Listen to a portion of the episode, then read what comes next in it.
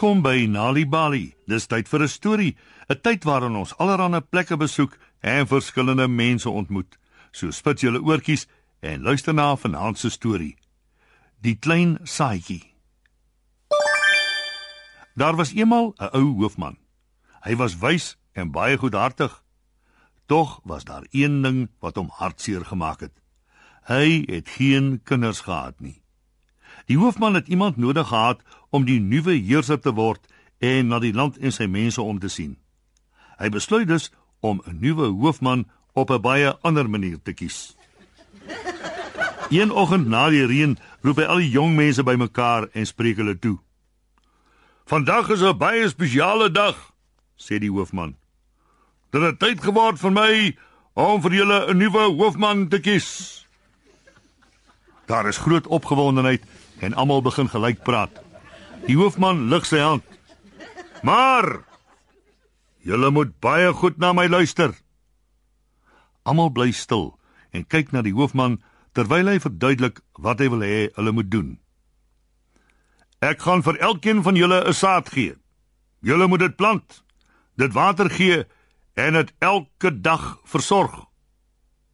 Toe sê die hoofman: "Vandag oor presies 1 jaar moet julle die plante wat julle gekweek het na my toe bring en dan sal ek die nuwe hoofman kies. Wuyu en sy vriende is baie opgewonde en hulle begin dadelik gesels. My suster kweek mielies, sy kan my help, sê een seun. En my ma weet alles van Marokko af.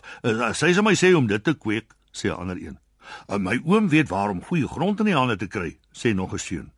Hy weet ook om seker te maak die voëls krap nie die saad uit die grond en vreet dit nie. Wuyu luister aandagtig na almal van hulle. Toe hy huis toe loop, hou hy die saad styf vas in sy hand. Dit is so klein, dink hy. Nie veel groter as 'n klein besie nie. Ek wonder wat gaan jy word wanneer jy begin groei, sê Wuyu vir die saad. Tuis aangekom, vertel hy sy ma wat die hoofman gesê het en hoe die ander seuns almal iemand het om hulle te help. Hmm, sê Wuyu se ma. Ek kan jou nie help nie. Dis iets wat die hoofman jou gevra het om te doen. Maar voeg sy by, ek kan vir jou die kleipot gee. Sy gee vir hom 'n klein kleipot om die saad in te plant. Woeyu gaan af na die rivier toe en grawe grond uit om in die potjie te sit. Toe maak hy versigtig met sy vinger 'n klein gaatjie in die grond en laat val die saadjie daarin. Hy maak die saadjie saggies toe met grond en drup vars water uit die rivier daaroor. Daarna kry hy die perfekte plek vir die pot om te staan. Dis nie te koud nie, maar ook nie te warm nie. So ja, klein saadjie, ek hoop jy is gelukkig, sê Wuyu glimlaggend. Na 'n paar dae gaan kyk Wuyu of die saadjie al begin groei het. Maar daar nog niks gebeur nie. Die grond lyk nog steeds net so plat soos die dag toe hy dit geplant het. Wuyu maak seker die grond is klam genoeg Toe fluister hy: "Dit maak nie saak nie, klein saadjie. Jy sal groei wanneer jy gereed is." Maar die volgende keer toe hy kyk, sien Wuyu nog geen groen uitloopsels of blare nie. En die keer daarna is daar steeds niks nie. Dae en weke gaan verby en Wuyu is hartseer omdat sy saadjie nie groei nie. Dit maak hom nog meer hartseer dat al sy vriende teen die tyd land en sand gesels oor hulle plante. Myne is al so groot soos my voet, sê een seun. En myne is so groen soos die heuwels in die somer, sê 'n ander seun. Wie se hart is swaar, maar hy sê niks nie. Maande gaan verby en almal moet in die tyd hulle plante in groter potte verplant.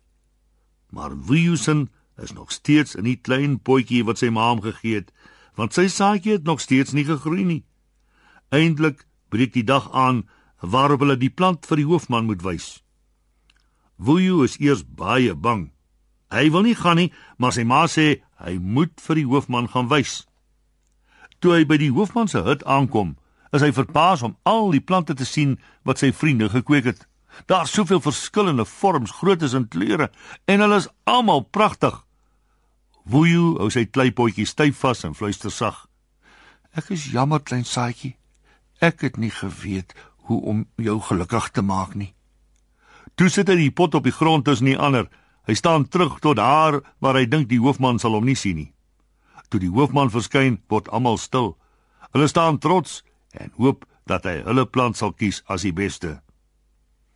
Dit is 'n baie opwindende dag, kondig die hoofman aan. Ek sien soveel pragtige plante. Hy loop stadig op en af terwyl hy al die plante van naderby bestudeer.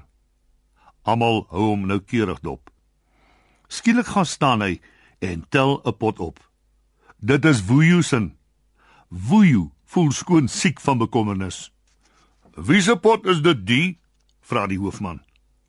Almal is stoepstil. Wuyu is doodsbang. Hy dink die hoofman gaan hom wegjaag. "Wie se pot is dit, die?" vra die hoofman weer. Wuyu haal diep asem.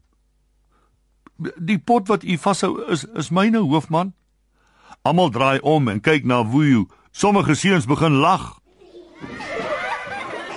Maar hulle hou dadelik op toe die hoofman Wuyu vra om na vore te kom. Toe hy langs die hoofman staan, voel hy baie skaam. "Wat is jou naam?" vra die hoofman. "My naam is Wuyu," sê hy en kyk op na die hoofman. Die hoofman haal 'n slag diep asem en sê hard en duidelik: "Ek het 'n nuwe hoofman gekies. En sy naam is Wuyu." Wuyu is verstom. Hoe is dit moontlik? Al het hy sy bes probeer, kon hy nie die saadjie wat die hoofman vir hom gegee het laat groei nie. Toe sê die hoofman: "Vandag, 'n jaar gelede, het ek vir elkeen van julle 'n saad gegee om te plant, om na om te sien en om dit dan vandag terug te bring hier na my toe. Julle het almal gedoen wat ek gevra het, maar gaan die hoofman voort. Ek het vir elkeen van julle 'n saad gegee wat in water gekook is. Dit beteken die sade kon nie groei nie. Toe julle uitvind dat julle sade nie wou groei nie, het elkeen van julle 'n ander saad in die plek daarvan geplant. Julle het almal die plante vir my gebring. Almal behalwe Wuyu.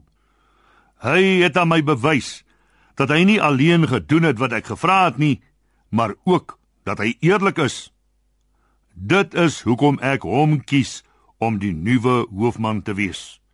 En hy sal 'n baie goeie een wees en die hoofman glimlag vir Wuyu met die wete dat hy 'n goeie keuse gemaak het. En so eindig vanaand se storie op Nali Bali. Wees deel van Story Power met Nali Bali en lees 'n storie net wanneer jy lus is. Of as jy nog stories wil hê om vir jou kinders voor te lees of vir jou kinders om self te lees, gaan na nalibali.mobi op jou selfoon. Jy sal heelwat stories in verskeie tale gratis daar vind.